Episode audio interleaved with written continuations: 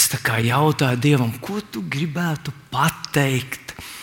Nu, ko, ko tu teiktu, ja Dievam būtu iespēja uzkāpt šeit uz platformas, un, un, un ko tu mums gribētu pateikt?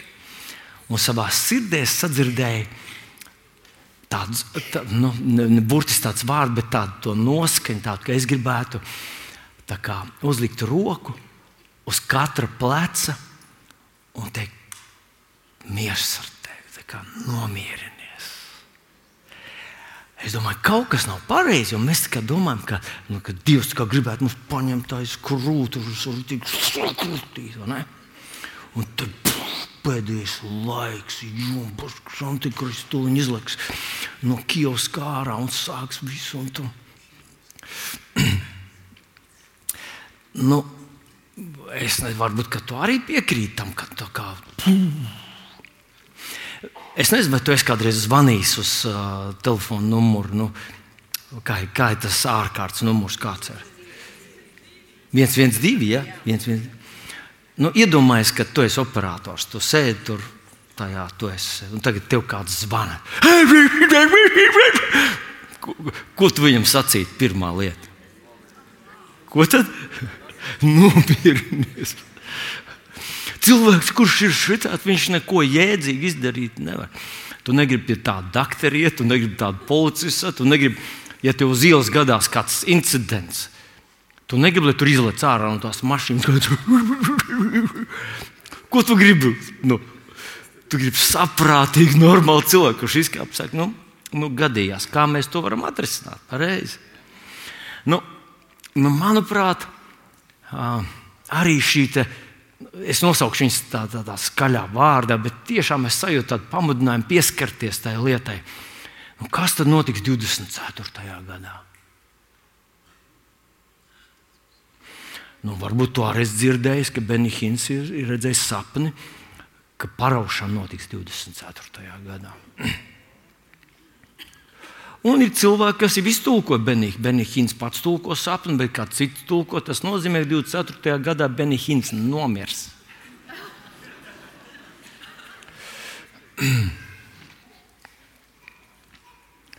Es ne, ļoti maz zinu par Benihīnu, lai viņu tiesātu. Bet brīžiem man liekas, ka mēs, kristieši, arī esam pavilkušies līdzi ziniet, tam klikšķu medīšanai. Uh, Kad tu noklausies to viņa stāstu, tur viņš tā īsti nepasaka. Viņš kaut ko tur tā, ziniet, kā tā, tā apaļ, visu kaut ko. Bet, bet virsraksts tāds Benihins pravieto, ka 24. gadā būs paraušana. Nu, vai būs 24. gadā paraušana?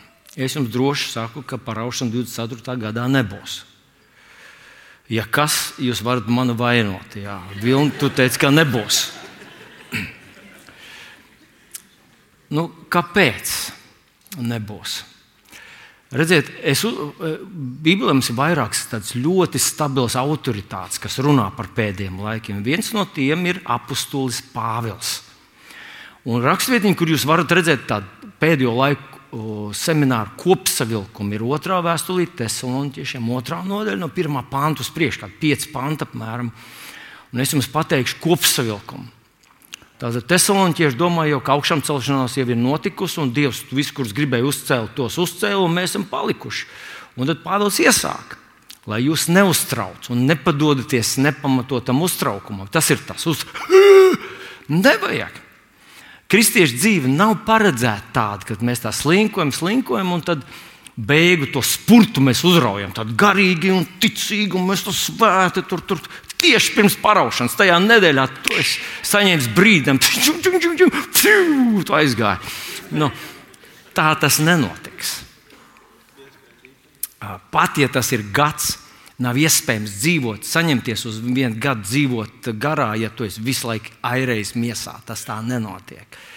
Tas ir kaut kas, ko tu, nu, kristiešu dzīve ir tāda ilgtermiņa, tā, tā kā laulība, priekos būs ar viņu un bēdās. Tad, kad tev aplaudē, un tad, kad tev nīst, tad, kad tev ir daudz, un tad, kad tev nav nekā, tu esi pierādījis savu uzticību. Jūs esat bijuši uzticīgi mazās lietās, jūs iecelšu par lielu. Bet tas kopsavilkums, Pāvils acīm redzot, Thessaloniķiešiem, viņš tur tālāk, tur, ja tu palasīsi, to viņš, viņš ir runājis šo semināru par pēdējiem laikiem. Un kad viņš aizbrauca, cilvēki vienalga to pārprata. Un mums ar tevi jau tas tā ir nu, tā pazīstama lieta. Mēs dzirdējām, un tad mēs izdarījām savus secinājumus, un tie ir ļoti bieži kļūdaini. Nu, ko tad viņš tur saka? Viņš ir pirms atnāks tā kunga diena, notiks, vispirms viņš saka, notiks atkrišana, atkrišanai jānāk. Tagad skatieties, kopš Pāvila laikiem un mūsu laikiem kristietība ir izplatījusies kā nekad. Bet viņš saka, jānāk atkrišanai. Protams, ka viņš nerunā par pasauli, jo pasaule ir atkritusi un vienmēr tikai atkrīt ar vien vairāk. Viņš runā par draugu. Un šeit tad, tad baznīca vai draudzes vēstures pētnieki saka, ka atkrišana, par ko Pāvils runā, visdrīzāk ir viduslaiki, kad pati draudzene slepkavoja, lika cietumā, dedzināja uz sārtiem savus īsti patiesos nodevušamies kristiešus. Nu, mēs zinām visu inkvizīcijas stāstus un tā tālāk, ka ļoti daudz no Dieva svaidītiem, izredzētiem, nodevušamies drosmīgiem kristiešiem, paši kristieši viņus iznīcināja. Tā kā atkrišana jau ir notikusi. Bet tad viņš saka, ir jāparādās grēka cilvēkam. Viņam jāieņem vieta Dieva templī. Pirms nāks tā kunga diena. Tempļa šobrīd nav. Tātad templis būs. Un, lai savilktu kopsavilkumu visam tam un nepievērstam daudz laika, Un cilvēks saka, nu, jā, bet tā ir tikai viena vietiņa, kur apelsīns Pāvils runā. Vai tu, tur tur Daniels daudz runā, Ecehels runā, Joēls runā un vēl viss kaut ko runā. Ziniet, es esmu mazliet lasījis vēsturnieks, kas pētīja apakstu Pāvilu, viņa izteikumus, viņa apgalvojumus. Viņi saka, ka apakstu Pāvila laikā viņa senēbrēja valoda bija mammas valoda. Tā kā mums ar tevi ir latviešu valoda, tā viņš Uh, lasīja tos vēst, vecos vēsturiskos tekstus, ne tikai lasīja. Viņš bija uzaugusi tajā tradīcijā. Pie Gamaliela kājām apstults Pāvils tika uzaugusi kā rabīns. Tajā laikā viņa ap, apzīmēja kā rabīns Sauls. Viņš zināja Danielu, viņš zināja Ecehelu, viņš zināja viņus ne tikai nu, kādu vārdiņu, tā kā mūsdienu skolotāji izņem kādu vārdiņu, tad šifrē tajā vārdā, tur veselu biblioteka atrod. Pāvils to visu zināja nesalīdzināmāk labāk kā jebkurš no mūsdienu skolotājiem. Un tad viņš saka šo kopsavilkumu. Un tad, kad tas grēka cilvēks Jeruzalemē apsēdīsies Dieva templī, no tā brīža sāksies trīs ar pus pēdējie bēdu, lielie bēdu gadi. Tā kā uh, apgalvot, ka nākamajā gadā jau viss tas notiks, kad šobrīd viss notiek vai dieniņa ir, ir tas nav pareizi. Es nezinu, kādi, kādi apsvērumi vadīja šo cilvēku tā izdarīt. Kādreiz gribas, gribas vienkārši nu, kaut kā. Nu, Tu esi mācītājs, tev ir daudz sekotāju un gribas kaut ko sensacionālu paziņot. Jo tu taču esi tas, tas, nu, tas dieva, tas runas vīrs. Nu, Es nezinu, es domāju, ka tas ir nepareizi. Bet ir viens ļoti labs princips, un, un tas princips ir no Joela Richardsona. Es uh, esmu dzirdējis. Viņš saka, ka kristieši ļoti bieži uh, pielāgo atklāsmes kādai konkrētai situācijai. Viņš saka, to var salīdzināt ar, ar, ar cimdu pirkšanu. Jūs esat kādreiz pirkuši pirkstainus cimdus? Un tu nopērci, paņem to cimdiņu, tu gribi viņu nopirkt, un tad tev, oh, īkšķus ielīd, un rādītāji pirksts ielīd. Ņemu labs cimds. Viņš ir paga, paga, bet tas nav vēl labs cimds. Ir jāielien īkšķim, rādītāji pirkstam, mm, lielajam pirkstam, zeltnesim un, un sprī, sprīdīts, ne, bet kā viņš sauc? Kā? Mazais pirkstiņš. Jā. Visam ir jāsapas. Un redziet, Dažreiz mēs sakām, jā, jā, tas jau saprast, tur jau Krievija jau ir Sīrijā. Bet ir jāsaprot visām šīm lietām. Un tāpēc es pavisam daudz labāk uzticos apstākļam Pāvilam nekā visiem, visiem citiem avotiem. Bet vēl par ko tu gribētu šajā rītā runāt? Es tiešām ticu, ka Svētais Gars uzrunāja mani uh, par tādu jaunu. Ne, ne, ne, tā nav jauna tēma, bet kāda aktuāla lieta, kas mums būtu jāizdara. Es savu vārdu sadalīju divās daļās. Pa vidu mums būs tāds neliels praktiskais darbs. Es ļoti ceru, ka Svētais Gars palīdzēs arī tev saprast, kas tev ir jādara tajā laikā. Bet nu, kāds ir bijis tev tas 23. gads? Kāds viņš tev ir bijis? Nu, Katram mums ir kaut kāds savs, kāds teiks, ka tas ir labs gads, kāds teiks, ka tas ir tāds vai tāds. Bet visdrīzāk, ka 23. gadā bija gan, gan vasara, gan, gan ziema, gan, gan bija diena, gan nakts, gan, gan silts bija, gan viegli bija, gan grūti bija, gan, gan smagi bija. Viss, kas tajā gadā bija. Bet uh, ir, ir tāds ļoti laba, laba ilustrācija, manuprāt. Uh, Un tā ilustrācija ir tāda, iedomājieties, ka tu esi mācītājs. Nu, Iedomājieties sevi, ka tu esi mācītājs, un tev zvana telefons, tu pacēli telefonu un, un dzirdi, ka ar tevi runā nu, puisītis, jā, bet nu, tāds puisītis, puisītis, un viņš tev zvana, mācītāji. Vai jūs varētu atnākt, atnākt un aizlūgt par manu mammu? Nu, nu, kas tad tavai mammai kaiš? Nu, mamma ir ļoti, viņai grūti, viņa smagi slima. Nu, ar ko tad tā mammiņa slimo? Viņa domā, ka tā ir gripa. Nu, mācītāji, jūs varētu atnākt. Kā tad tev puisīt sauc? Nu, man sauc Kārlis. Jā. Un kā tu sauc tavu mammu? Nu, mamma sauc tā un tā. Nu, kāds jums uzvārds ir? Nu, uzvārds ir tāds un tāds. Paga, es tā kā neatminos, kurā draudzē jūs esat. Nu, mēs esam tur tajā draudzē. Uh, Kārlīt, vai jums nevajadzētu pazvanīt savam mācītājam, lai viņš atnāk aizlūgt par mammu. Jā, jā, vajadzētu jau laikam, bet mamma negribēja riskēt, ka mūsu mācīties nesaķer to pašu, kas ir mammai. Nu,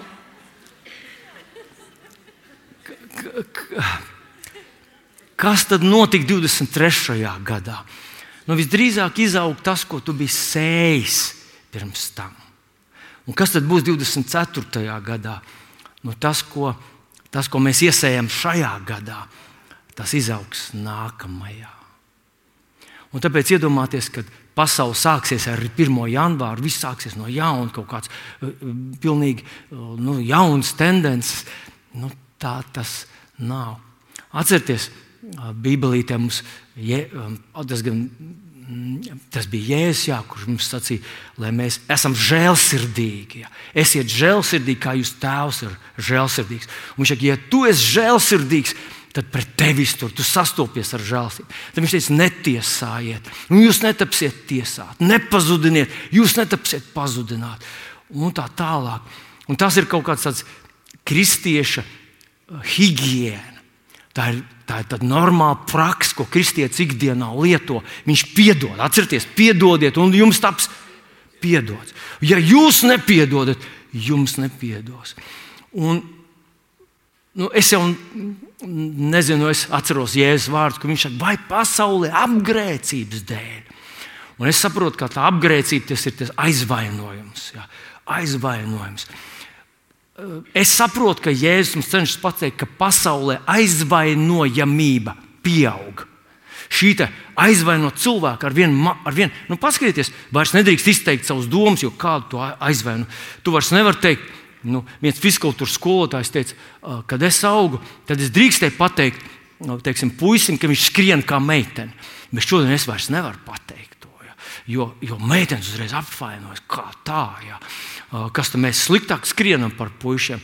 Nu, manā laikā vēl varēja pateikt, nu, es nezinu, vai tu esi pikojies. Es vakar aizvakar izgāju ārā un lietas, nezinu, tā līp, un es domāju, uzmetīšu kāds pāris piks, un, un es salipinu to piku. Kā, nu, Kādi ir pagājuši? Un es tagad tur tāds mums basketbola vairogs stāv, un es teicu, un es konstatēju, ka es nemāku mest vairs. Es metu pikas tā kā meitenes met. Nu, jūs atceraties, pikoties ar meitenēm bija viegli. Viņas kaut ko tādu ceļpina. Nu, puiši, ja met piks, tad tu, vari smadzenes satricinājumu dabūt. Jā. Tas piks bija. Es atceros, bija tāds laiks, kad es metu pikas tik precīzi, ka es varēju trāpīt tur, kur es gribēju. Un tad izgāju, nu pat uzmest, un kas ar maniem ir tā pati roka. Un, un tas sāk gandrīz vai iznāca otrā vakarā atkal vingrināties. Bet, ja nu šovakar būs pikošanās pēc dievkalpojuma, ko, ko, ko tu darīsi, ja tu nevari iemest nevienam? nu, bet tā aizvainojamība pasaulē pieaug. Kas notiek ar tevi? Ar kristieti vajadzētu būt tā, ka viņa tā āda paliek biezāka. Ka viņi vairs nevar tik viegli aizmantot. Nevar vairs kāds to izdzirdēt par tevi, kāds neiz, nebija sajūsmā, un tu uzreiz apvainojies. Tev pabīdīja kaut kur. Atcerieties, ka tu tikko atnāci uz draugu, vai ne? Tev pateica, šī nedrīkst sēdēt, un tu aizgāji. Bet tad, kad laiku tu, tu jau pieradi pie tā krēsla, tas ir tavs krēsls, un nedod Dievs tev kāds palūgs pārsēsties. Kāds aizrādīs tev, mazās grupas vadītājs, aizrādīs. Tu taču ies prom. Tu taču nevari palikt tādā draudzē, kur tev neļaus sēdēt tur, kur tu gribi, vai ne? Vai tajā mazā, vai mācītājs kaut ko. Nu, tad, lūk, normāli būtu, ka tu paliec tāds mācāmāks. Tu esi māceklis vienu gadu, divus gadus, tev var aizrādīt. Un tā vietā, lai tu uzreiz saceltos, tu paliec Jā, es mēģināšu saprast, ko es daru nepareizi. Es gribu saprast. Es saprotu, man ir daudz trūkumu. Tā savas vainas atzīšana nav tāpēc, lai pateiktu, ka tu esi slikts un grēcinieks, bet ka tu vari kaut ko mainīt. Un tādā ziņā man liekas, ka apņemšanās, jaunā gada apņemšanās ir laba lieta, jo tas cilvēks vismaz saprot, ka viņam kaut ko vajadzētu mainīt. Cilvēks, kurš saka, man neko nevajag, man viss ir perfekts viņš atrodas tādā bīstamā vietā. Un es domāju, ka katram pat, ja, pat ja tu to vienu dienu tikai ievēro to savu apņemšanos, tas vien, ka tu saproti, ka kaut kas ir jāmaina, ir liela lieta.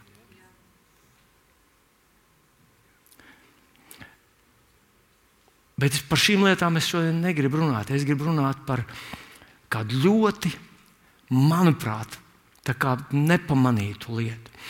Un tā ir uzrakstīta Mateja evanģēlijā, desmitajā nodaļā.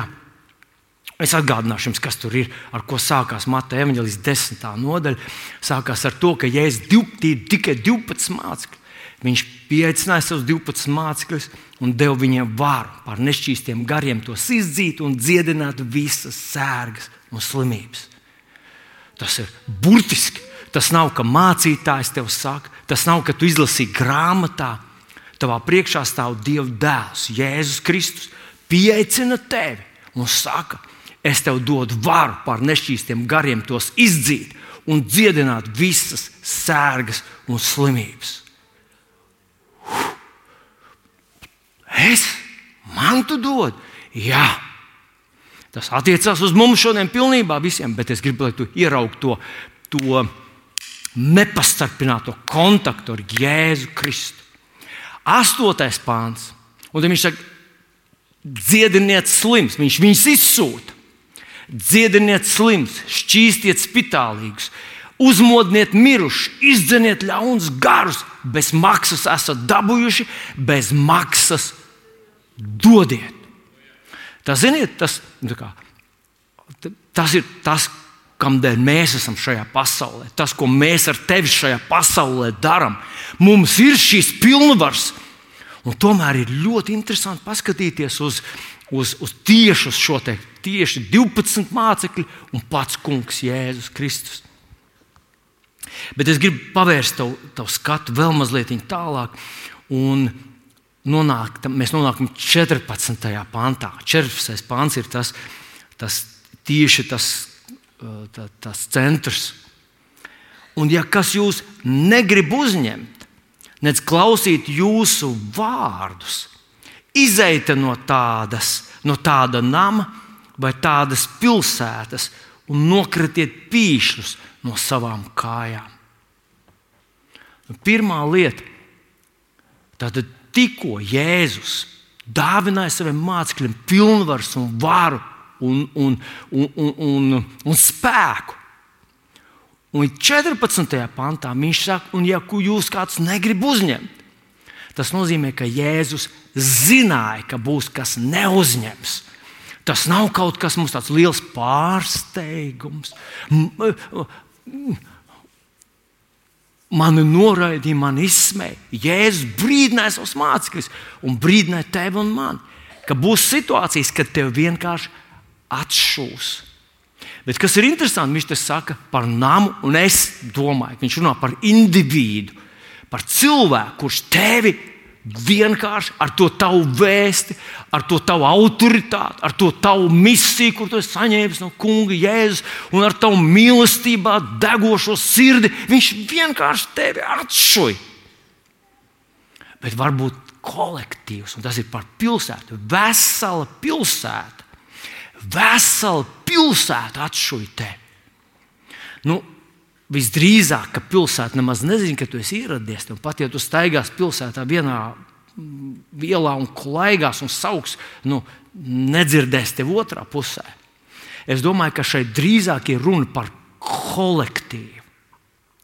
Iedomājieties, ja tavā darba vietā. Tu ar tādu misiju atnāc jaunā darbā. Tu tagad būsi īsts kristietis. Tu gribi no paša sākuma jau darīt pareizi. Un tev konsekventi Visa tā grupa apvienojas, tev piekarina birks, par tevi aiz muguras runā, par tevi vīpsnā, smīkņā. Tas saliedē visu kolektīvu. Tu kļūsti par tādu melno avi, bet kolektīvs nekad nav juties tik vienots kā šajā laikā, kad tu esi atnācis. Tas ir tas, par ko viņš te runā. Es nezinu, vai tu esi ievērojis šo, bet manuprāt, svētais gars vērs man uzmanību uz to, ko Jēzus saka, kad tevi atraida vai indivīds vai kolektīvs. Tad viņš saka, nokrat pīšus no savām kājām. Vēl divās vietās ir citēti šie Jēzus vārdi. Un tur rakstīts viņiem par liecību, lai tie cilvēki redz, ka tu nokrat pīšus no savām kājām. Un Es nezinu, ko tas nozīmē. Visdrīzāk, ka tādā kolektīvā, klases kolektīvā, augstskolas grupā, teiksim, tādā mācību grupā, studenti visi par tevi. Un katrā izdevīgā gadījumā ir viens, par ko paņemt, pasmieties. Tas ir, un es droši ka cilvēku tiesības, visas tās Eiropas, tās pret bulīņu, visas tās uh, akcijas nekad neaizstāvēs kristieši, jo tas ir leģitīms mērķis, par kuriem pasmieties.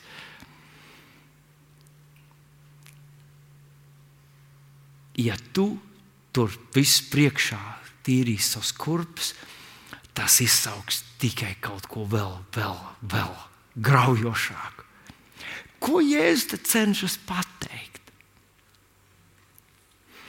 Un, zinot, manuprāt, nākamais pāns, 15. pāns, mums paliek gaismu uz to, kas tad notiek, kādi mērogi un kādi riski tur ir.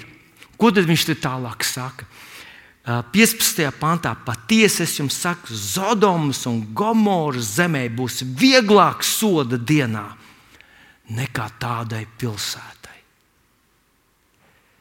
Viņš saka, ja tevi atraida kolektīvs vai indivīds, nokrat pīšus no savām kājām, un tad tādam kolektīvam vai tādam cilvēkam viņam būs grūtāk soda dienā, un mēs saprotam, soda diena nebūs vienkārši tas liels šķūris, kas viss aizšķūrēs. Tur katru, katra dzīve izanalizēs.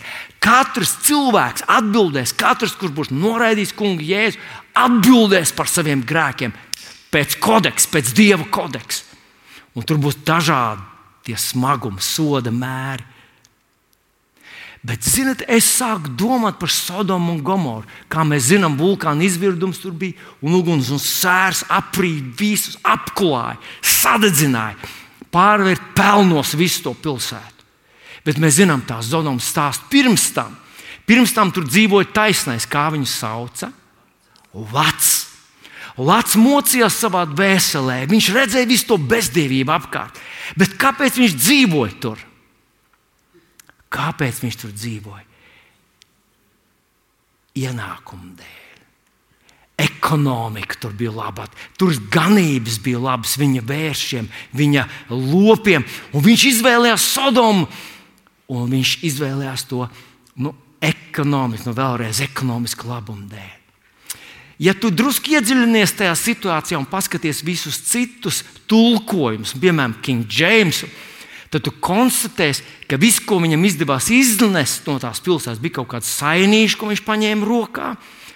Viņš pazaudēja savu sievu ceļā ārā. Viņš izgāja ar divām savām vēl neaprecētām meitām, un vismaz divas meitas un mazbērnus. Viņš pazaudēja tur Sodomā, tās palika tur šausmīga cena, ko Latvijas samaksāja.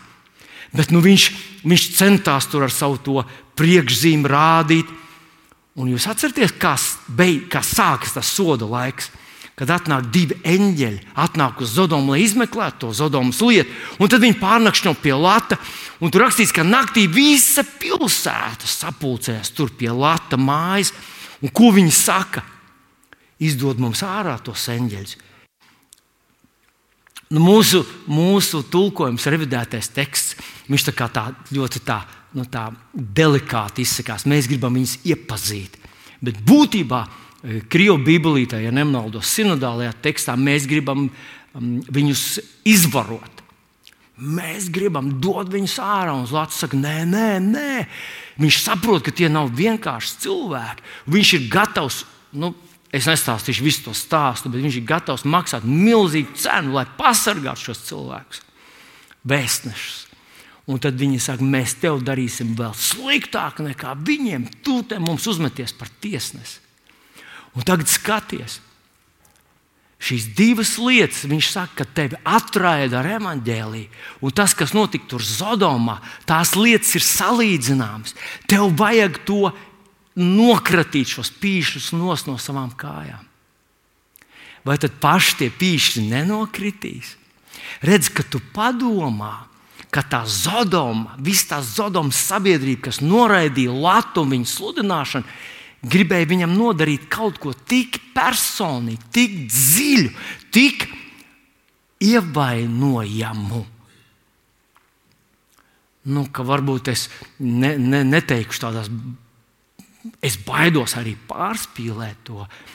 Bet tāpēc, manuprāt, šis jēzus padoms, ka tad, kad tevi atraida, ka kaut kas tāds, kaut kas ass, kaut kas indīgs, kaut kas toksisks ir ceļā uz tavu dvēseli, un ja tu to neatraidīsi, tad tas tevi ietekmēs.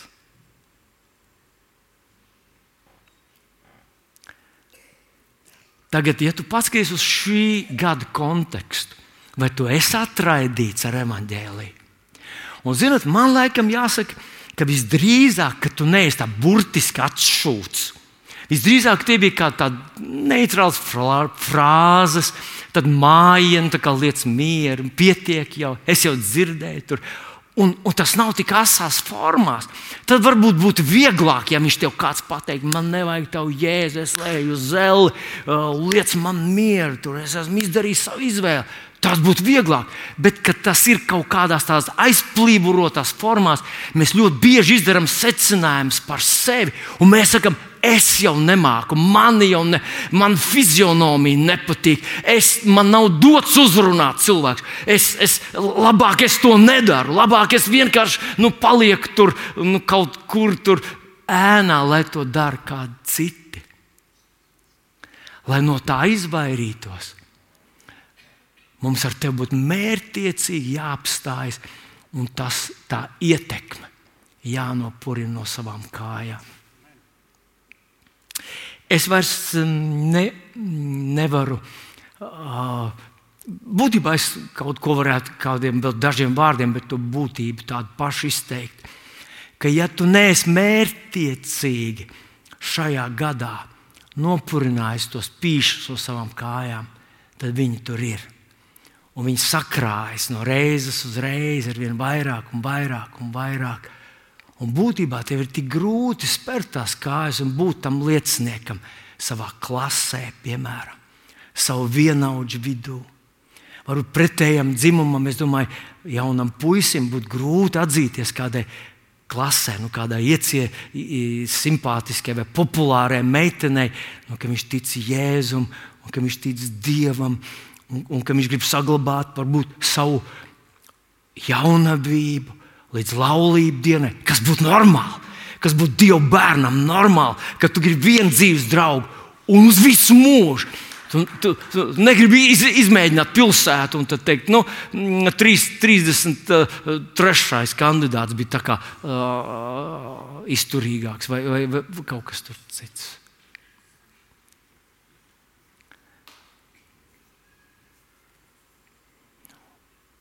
Un tu neesi to apstājies un teici, kungs, šķīsti man lūdzu. Es to neuzņemu savā dvēselē. Atbrīvo man no tā. Es domāju, ka bez lūkšanas tur nevarētu iztikt, bet, bet zinu, vai, vai es esmu to darījis? Es esmu to darījis tādā domās. Bet es domāju, ja tas būtu fiziski, burtiski tev kāds kaut kur tā rupji un varbūt, varbūt smalki atšuvis tevi kā evanģēlists, kurš nāk, tā kā tu domā, svētais gars tevi pamudināja, un tu domā, ka tu te paklaus, un tu jau redzēji kaut kāds rezultāts, un, un pretī dabūji tādu, ziniet, tādu nu, kvadrātā, kubā, nezinu, vēl.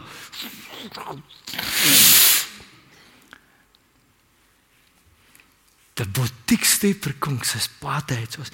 Es izdarīju to, ko tu man sacīji bet es visu to ietekmi no, no, notīru savus, savus kājas no tā.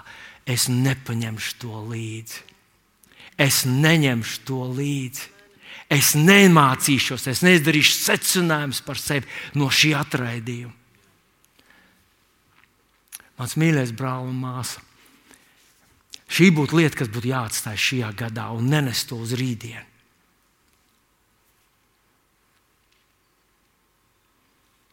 vai tu varētu šobrīd tā pacelt savus acis uz kungu, ļaut viņam ieskatīties tavā dvēselē un, un iespējams ar šausmām apzināties, ka, ka tu esi nekad to neesi praktizējis. Tu vienkārši esi to nu, izdarījis kaut kāds gudrs secinājums, kā nevajag darīt, ko nevajag darīt, ar ko nevajag darīt un vispār nevajag darīt.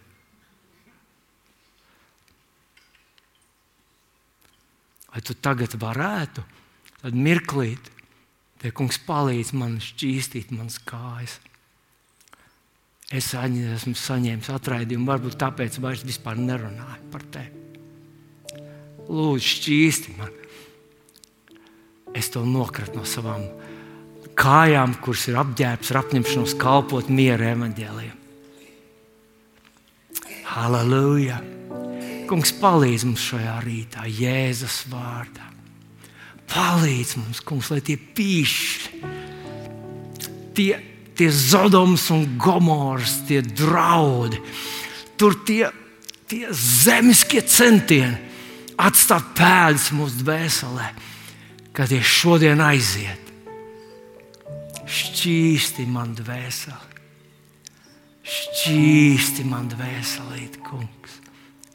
Lūdzu, lai Jēzus asins šķīst un sadziedē man dvēseli no visiem šiem, šiem indīgiem vārdiem, žestiem, skatiem, no tās enerģijas, no tā nepateiktā, bet skaidri izjustā demoniskā uh, pazemojuma.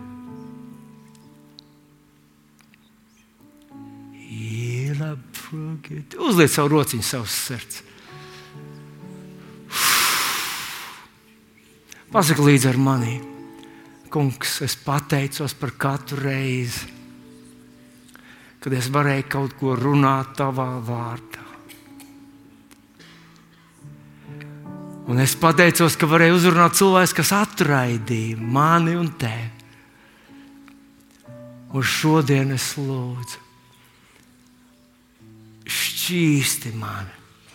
Es nokratu šos pīšļus, es nokratu pīšļus no savām kājām, lai esmu brīvs, iet uz tām pilsētām un tiem namiem, kur tu man sūtīsi. Un runāt tavs vārds. Vienalga, vai cilvēki pieņem vai nepieņem. Jēzus vārdā.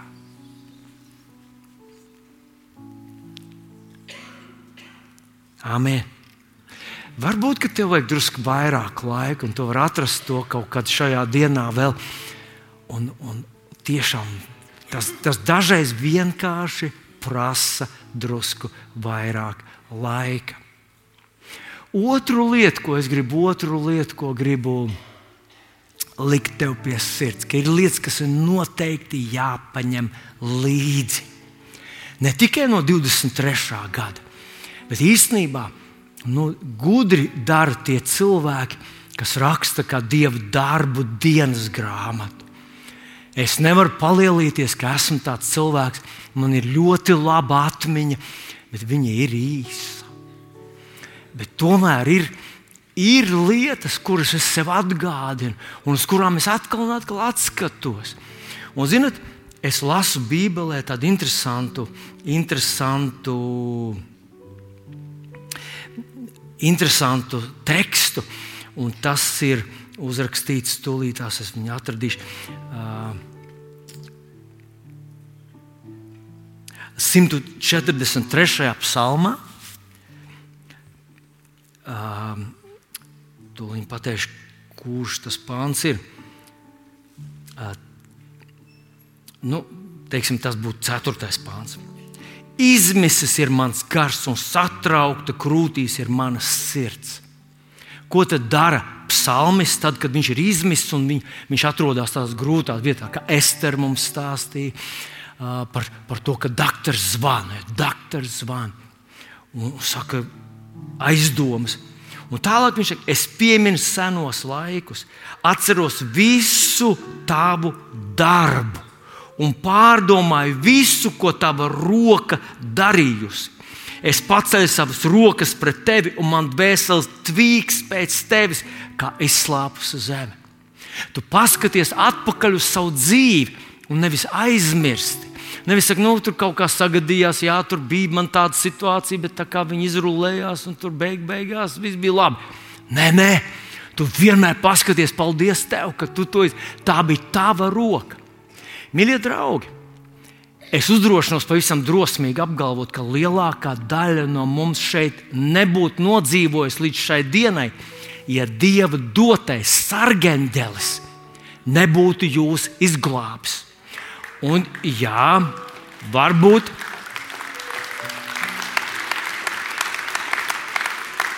Skatieties, Varbūt, ka tu slimoji ar kaut ko. Nu, teiksim, kāds bērnībā izslimoja, kāds jaunībā, kāds saskārās ar kaut kādu traumatisku situāciju.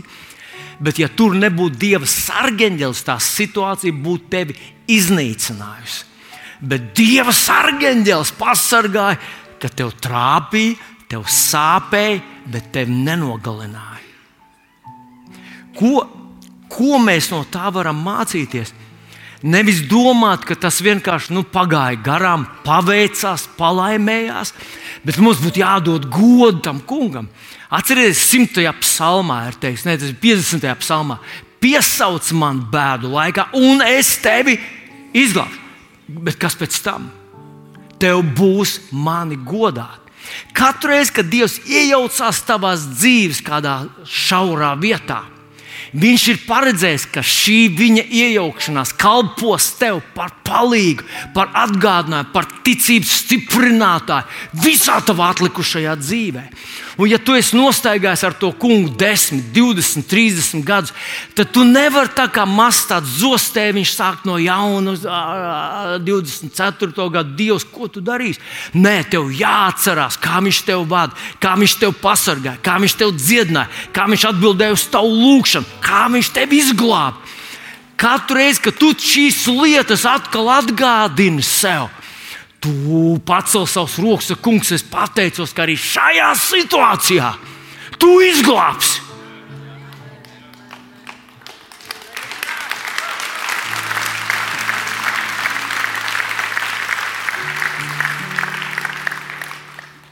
Šajā trešdienā mums, kā vienmēr, bija lūkšanas sapulce. Un uz, uz, nu jau kādu pusgadu nāk viens garš puisis, uzņēmējs. Viņš kaut kur uh, dzīvo patālu no Rīgas. Viņš saka, svētdienās es nevaru atbraukt, bet viņš ir katrā lūkšanā. Viņa vārds ir Raivis. Un šajā pēdējā reizē Raivs iznāca priekšā. Viņš nekad nebija bijis uh, lūdzēju priekšā. Viņš teica, ziniet, man jāpastāsta un jāpateicās Dievam, bija vairākas pateicības. Un viņš teica, es atnācu pie jums ar savu meitiņu, kurai bija problēmas ar acīm.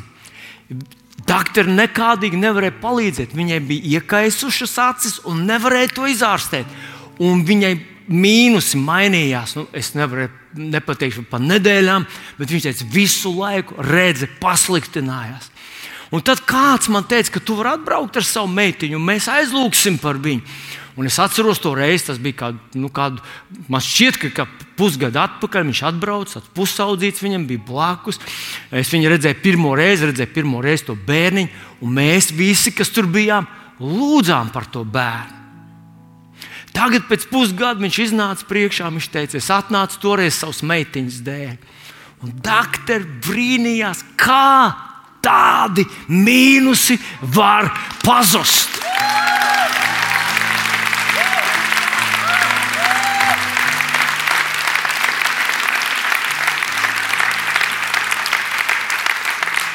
Viens no mūsu lieliem grēkiem.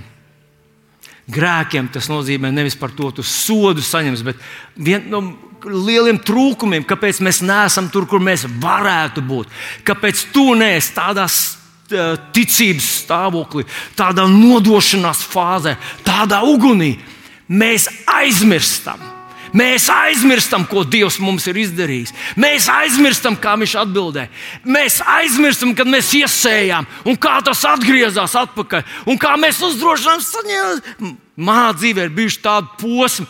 Nu, Sēns sen atpakaļ, ka tu saņem visu to savu mazo finansiālo, mazo ābolīti. Tu saki, Dievs, es, ne, es, protams, nevaru no viņa izdzīvot, bet tik patīkami tas mazais zīle rokā. Es to iesēju tev paiet neilgs laiks, un atnāk atpakaļ tā, ka vai tev ir bijis tāds, tāda pļauja, ka tu saki, un tas viss ir man.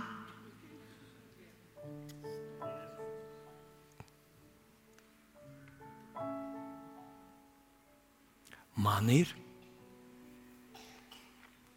Dievs ir izdarījis brīnums pie manas veselības, atbildējis entās manas lūgšanas kad es esmu nostājies pretī vēlnam un stāvējis viņam pretī, man par milzīgu pārsteigumu viņš tiešām aizbēga. Nu, es drusku ironizēju, ja. bet es runāju par to, ka, hei, kāpēc tev nav pierakstīts mājās garš saraksts? Kāpēc neatceries, ka tad, kad tu biji mazs tīnīts, kad viņš lūdza te? Starp citu, tas tāds viens arī tāds varbūt ar smaidu stāsts uh, trīs mācītāji sarunājas, kur ir efektīvākā lūkšana, kādu viņi ir piedzīvojuši. Un tur blakus viņam telefona montieris tur dara savu darbu. Un viens mācītājs saka, visefektīvākā lūkšana, kādu esmu piedzīvojis, ir, kad es nometos uz ceļiem. Es nometos uz ceļiem un es lūdzu. Tas strādā. Otrs saka, nē, nē, visefektīvāk ir tad, kad es stāvu, mans, man galva ir vistuvāk debesīm, es lūdzu, un tā lūkšana efektīvi strādā. Un trešais mācītājs saka, ziniet, brāļi, bet esmu pārbaudījis, ka visefektīvākā lūkšana, kad es guļu uz mutes, Dievu priekšā pazemojos, es lūdzu, un tas strādā. Un Tas telefona montieris saka, ziniet, draugi, es jums pateikšu visefektīvāko lūkšanu, kādu es esmu piedzīvojis. Kad es karājos telefonu stabu, no telefona stūra ar galvu uz leju, lūdzu, Dievu, un viņš atbildēja man. nu, es nezinu, vai tev tā ir bijis kādreiz, bet, bet ah, tu, tu nedrīkst aizmirst. Dievs, tu palīdzēji, tu palīdzēji, tu esi uzticams, Dievs, tu atbildēji situāciju. Un tas ir tas, ko viņš saka 103. psalmā. Teici to kungu, man bēseli, un neaizmirsti, ko viņš tev labu darīs. Dabu darīs tavā biznesā, tavās mājās, tavā lūkšanā par taviem bērniem, kad tu pravietoji saviem bērniem. Un tu varbūt domāji, ka tu, pā, kungs, vai es pareizi pateicu, vai, bet nu, tā, tā, nu, nu, tagad izrādīsies un piepildījās. Tev ir tā bijis kādreiz, kad tu saviem bērniem saki, Dievs izvedīs tevi cauri. Nebīsties par to. Dievs ir ar tevi. Un tu domā, ārprāt, ko es te runāju. Es pat neesmu, nu, nu, pat neesmu Bībeli izlasījis cauri. un bum!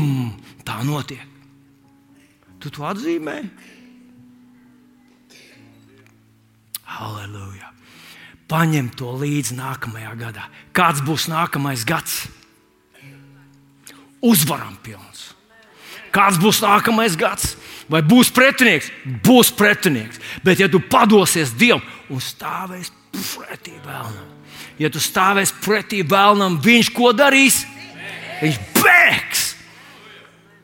Un es lūdzu, ne, ne, nesatraucies, tur vakcīnas, nezinu, Trumps būs. Ja tu būtu Dievs, tad tev būtu daudz pienākumu. Bet paldies Dievam, ka tu neesi. Tu vienkārši uzticies viņam. Viņš teica, es tevi izvadīšu.